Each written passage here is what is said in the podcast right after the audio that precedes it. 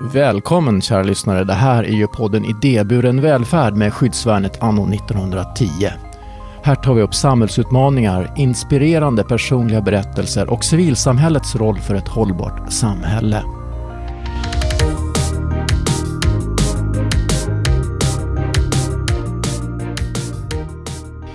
Idag ska jag möta en person som har ägnat mer än 50 års forskning åt brottslighet och kriminalpolitik. Han är professor emeritus i kriminologi och han heter Henrik Tam. Välkommen Henrik! Tack så mycket! Ja, du, det här är ju inte första gången du är med i mediala sammanhang, för du är en eh, flitig eh, debattör, måste jag ju säga. Ja, jag började som aktivist. Det var väl det som fick Jag var med i KRUM, Riksförbundet kriminalvårdens humanisering, som idag är okänt, men som på 60 och 70-talet var mycket centralt i den kriminal och socialpolitiska debatten tillsammans med andra liknande förbund som slogs för de som hade problematiskt narkotikabruk, eh, satt på institutioner för psykiskt störda och som hade ett problematiskt alkoholbruk. Ja. När jag läser på om dig så redan 1986 så skrev du debattartiklar om att svensk kriminalforskning har svårt att vinna gehör. Och det där har ju varit ett aktuellt tema sedan dess, eller hur? Ja, allt med. Det är väl någonting man alltid får höra från forskare, så man ska ta det lite med en nypa salt. Men eh, det, det är påtagligt, det tror jag man kan belägga tydligt, att det är allt färre referenser till forskning och, och det är kanske det viktigaste, att från att man tidigare var inriktad på straffets effekter, vilket man naturligtvis är, men forskningen påpekar att det här tycks inte ha någon effekt, då retirerar man nu till att säga ja men det är viktigt med straffvärde. Och man refererar idag på ett sätt som man inte gjorde för 40-50 år sedan till vad folket tycker, till det allmänna rättsmedvetandet oavsett om man vet det eller inte. För då, går, då kringgår man forskaren säger, och forskaren säger att det här straff, fängelsestraffet kommer inte ge mindre brott. Nej, men vi upprättar brottsoffret, vi stärker rättskänslan. Det här är vad folk tycker. Ja. Innan vi går in eh, på eh, dag, dagsaktuella frågor eh, så tänkte jag bara lite kort om din historik och hur det kom sig att du blev professor i kriminologi. Att jag blev professor får man väl kanske fråga de sakkunniga och det var strid om min professur, ska jag säga.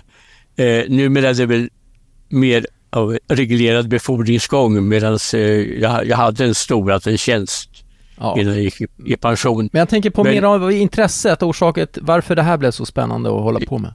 Jag började läsa sociologi som många andra på 60-talet och eh, kom då på några skrifter av universitetets rektor eh, Torgny Segerstedt som var intresserad av kriminalsociologi.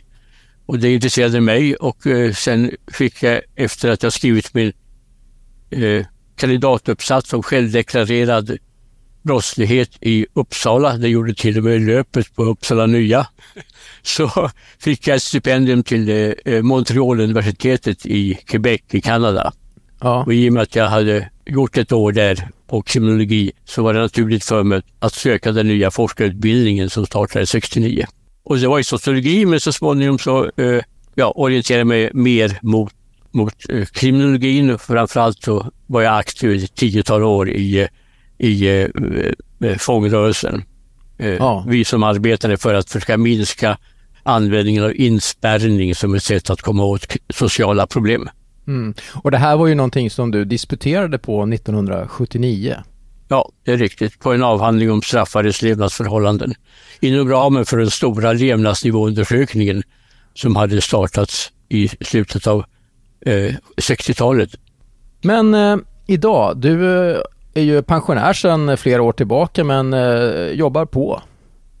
Ja, jag har fått behålla ett rum och det är jag mycket tacksam för. Jag slipper göra de tråkiga sakerna, gör bara de roliga sakerna. Ja, men vad är det för spännande saker som du håller på med nu? För jag vet att eh, du är ju en stark förespråkare för att eh, kriminalpolitiken ska vara mycket mer forskningsinriktad. Eh, eller, eller, lära sig och, och, inte vara så mycket populistisk.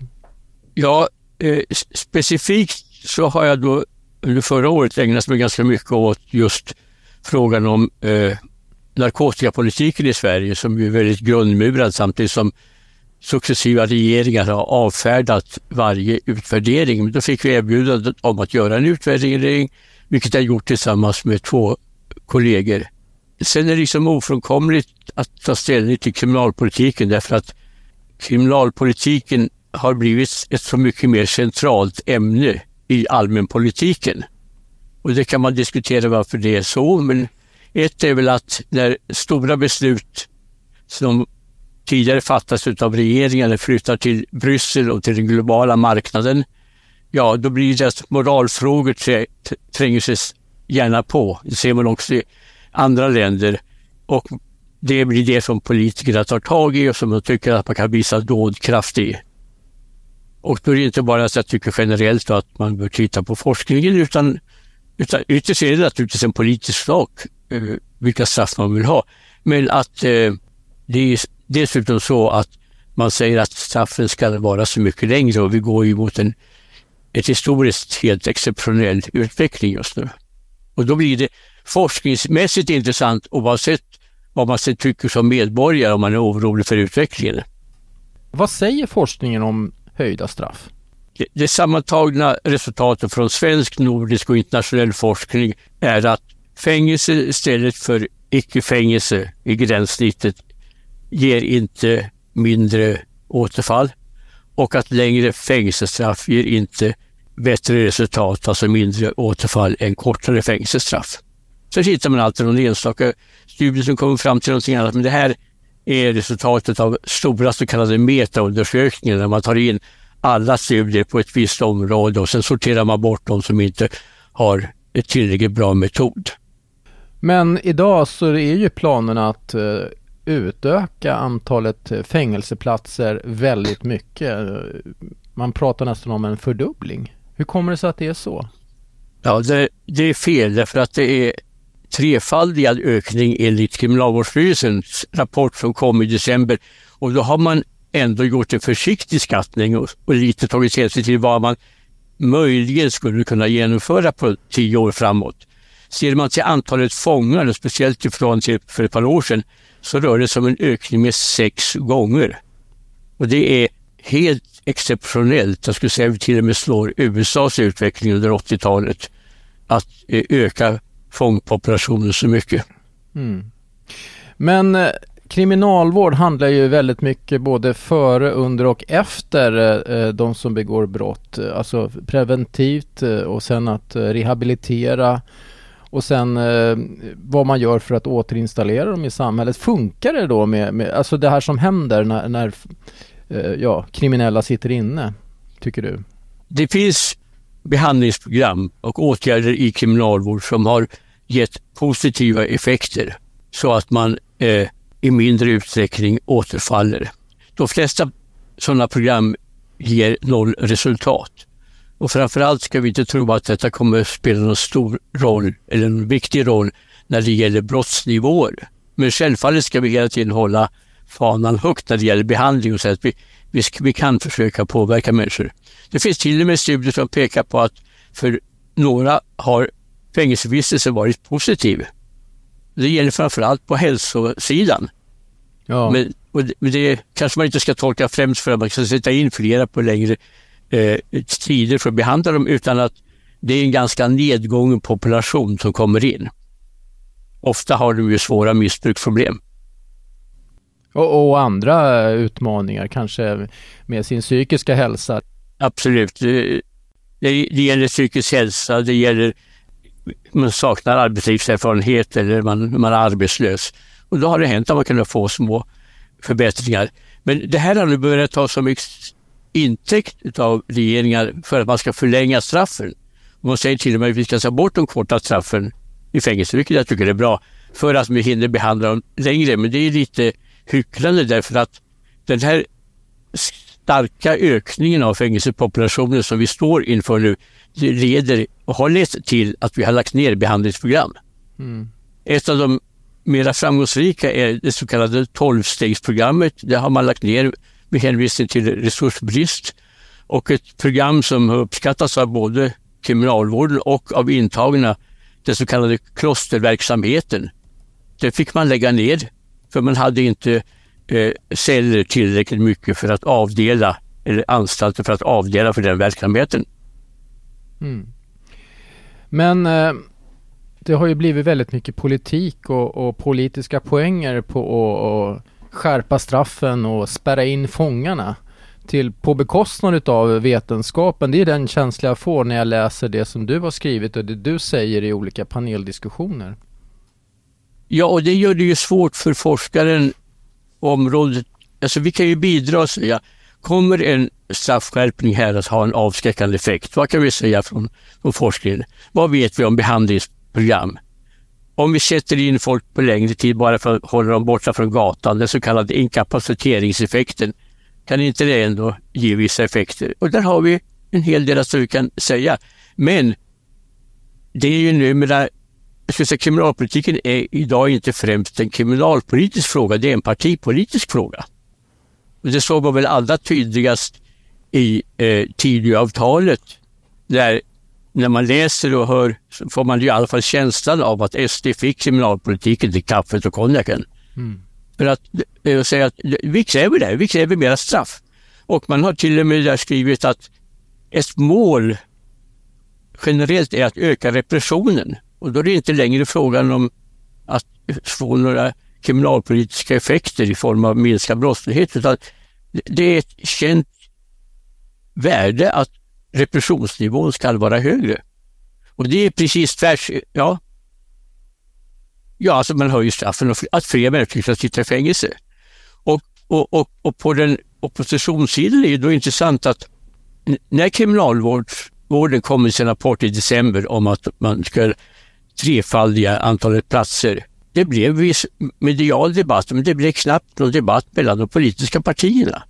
Mm. Och det är något ganska fantastiskt egentligen att man inte opponerar sig från oppositionen. Och, och tidigare uppfattade man det som ett svenskt värde att vi hörde till de länder som hade lägst fängelsepopulationer i världen och relativt anständiga eh, eh förhållanden på, häng, på fängelser. Det finns till och med ett uttryck i forskningen internationellt där man talar om Scandinavian exceptionalism. Mm. Men vad som händer nu är att Sverige går i, hamnar i en helt annan kategori. Vi har ju bytt riktning helt och hållet från att för länge sedan eh, vara eh, alltså, exemplet på att vi ska försöka rehabilitera och inte spärra in till att eh, spärra in i högre utsträckning. Kan man säga så?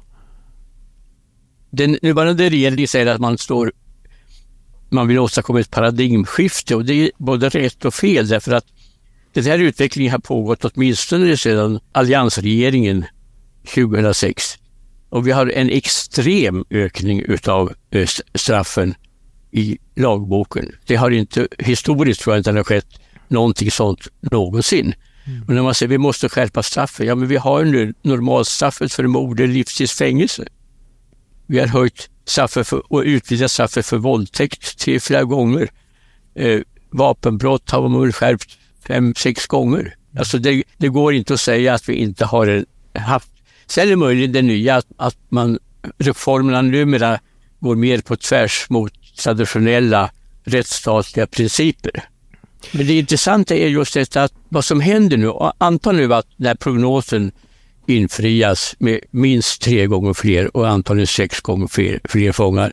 Vi hamnar då i, i, i en kategori, inte där vi vill vara, brukar vara med de skandinaviska grannländerna, utan i, tillsammans med länder som är halvdiktaturer, odemokratiska på annat sätt eller som präglas av extrem ojämlikhet som de latinamerikanska.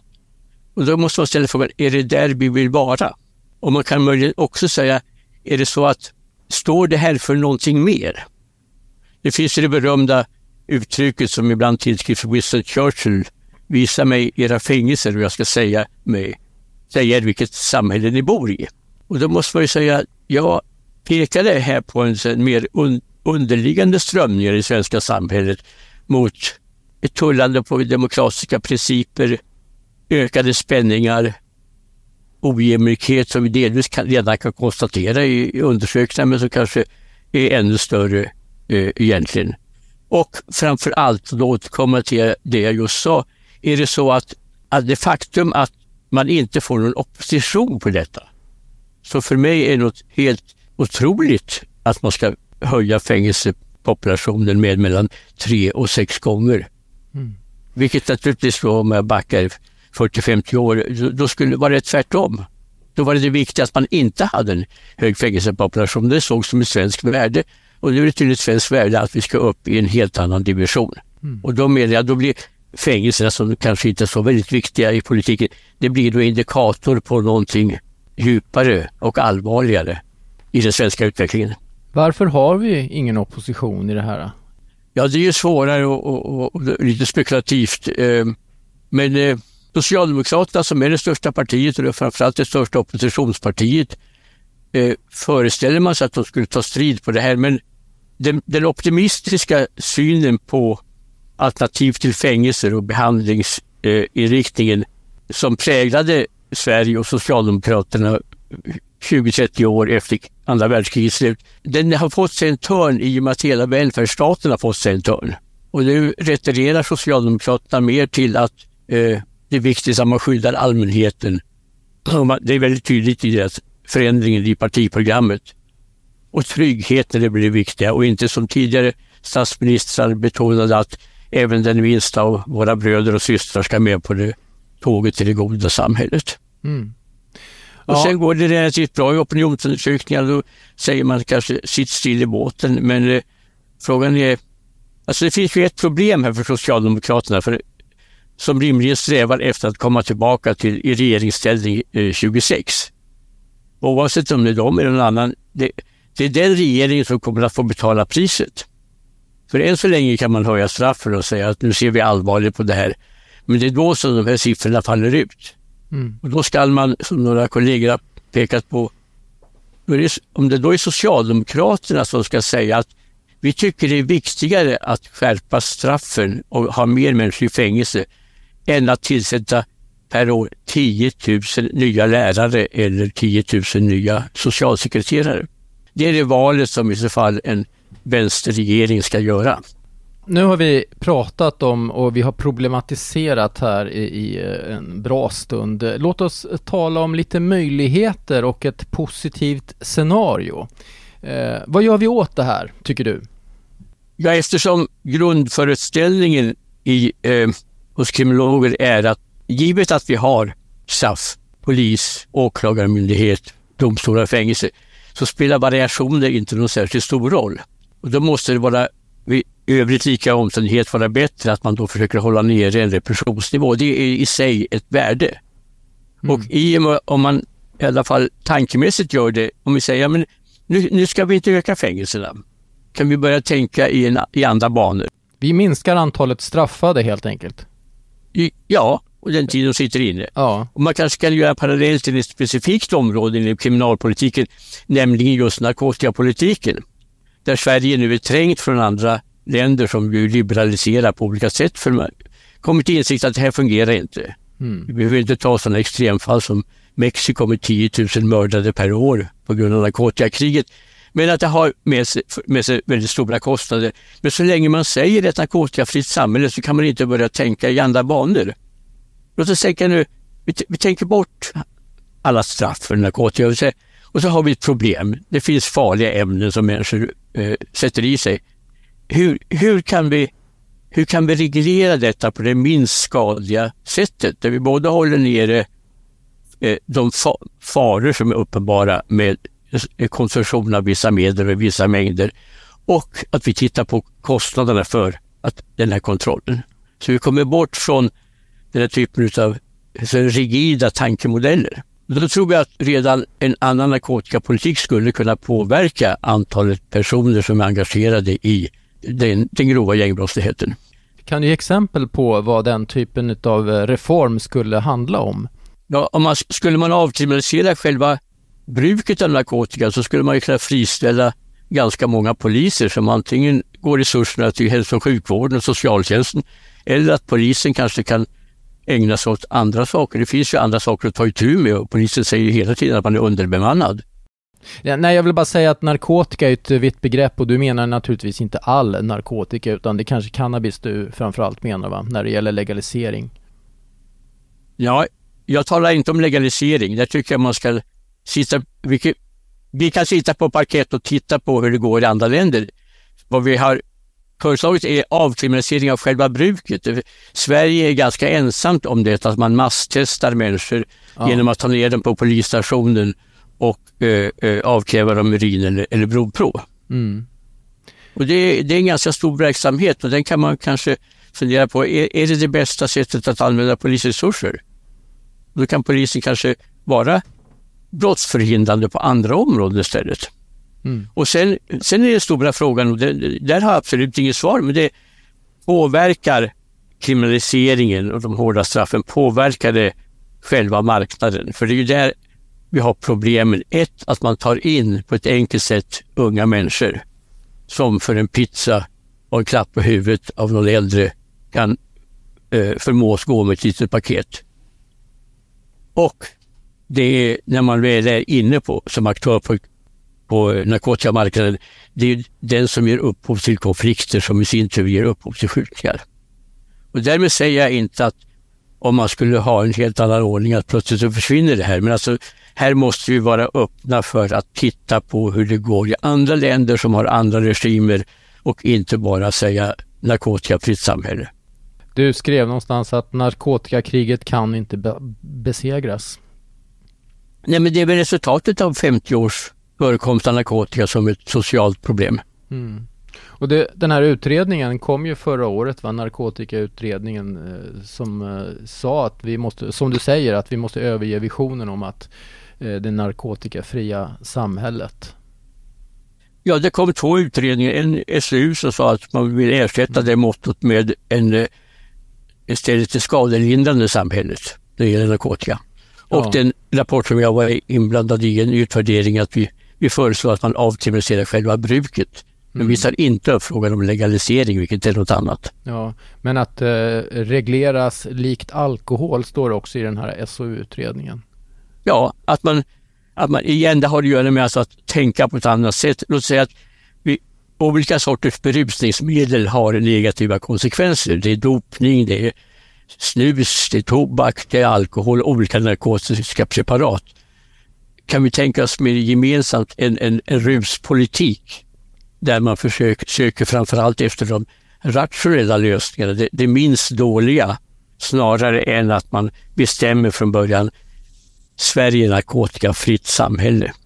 Just mm. det, man ska alltid spetsa öronen när samhället ska vara fritt från någonting. Det låter bra men det innebär också att man är beredd att gå ganska långt kanske. Ett, ett muslimfritt samhälle, ett kommunistfritt samhälle, ett samhälle fritt från det ena och det andra. Homosexfritt, ja då, då är det fara och färde tror jag. Ja, men eh, ja, jag vet inte, nu har vi vänt och vridit på de här frågorna en del. Eh, så, så här avslutningsvis, låt oss gå tillbaka till dig och, och din karriär inom forskningen på det här området. Eh, har det hänt mycket i sättet som du bedriver forskningen på så här många år senare än eh, i början av din akademiska karriär? Ja, alltså mitt, mitt intresse har, har stärkts, även om jag haft det hela tiden, just för kriminalpolitiken. Eh, och argumentet i debatten idag är nu, ja det är tråkigt att vi måste gå i den riktningen, men det beror ju på brottsligheten. Men det är också en stark kriminologisk tradition att reaktionerna på brottsligheten är väl så viktiga. Dels därför att de har intressanta i sig. Ta ett sådant enkelt exempel som varför har vissa länder dödsstraff och varför har andra inte? Och det är ju intressant skilt från om man är beredd att ta till det när man har riktigt allvarliga brott. Men också att den huvudsakliga kriminologiska kunskapen pekar mot att mer polisiära ingripanden, mer straffrätt, repression, mera fängelse. Det är inte det som bestämmer. Det är inte det som gör att vi har variationer i olika typer av brott över historiskt eller mellan, mellan olika länder. Vi måste titta på, på det institutionella, titta på skillnader i, i utbildningssystem, i arbetsmarknaden, eh, i eh, inkomstojämlikhet. Det, det är sådana saker som spelar roll. Ja, om du och jag skulle träffas igen om fem år, vad skulle du vilja berätta för mig då har hänt på, inom kriminalpolitiken? Då ska jag försöka vara optimist och då säger jag att, att ja, man insåg att det här, det blev bara för dyrt. Vi kan inte ta det här istället för all, den alternativa summan man kan använda det här till.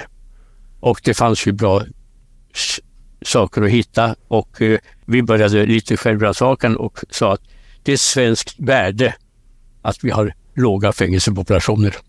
Ja, Henrik, är det något annat jag borde fråga dig eh, om det här innan vi slutar det här avsnittet om, eh, om dig och om eh, kriminologi? Det, ja, det, det beror på det. Ja, men, nu fick vi ett mer så principiellt och generellt samtal. Sen kan ja. man gå in och diskutera ja. liksom, straffeffekter av olika straff och vad vi vet om det. Men det är lite mera, det är lite tradigare.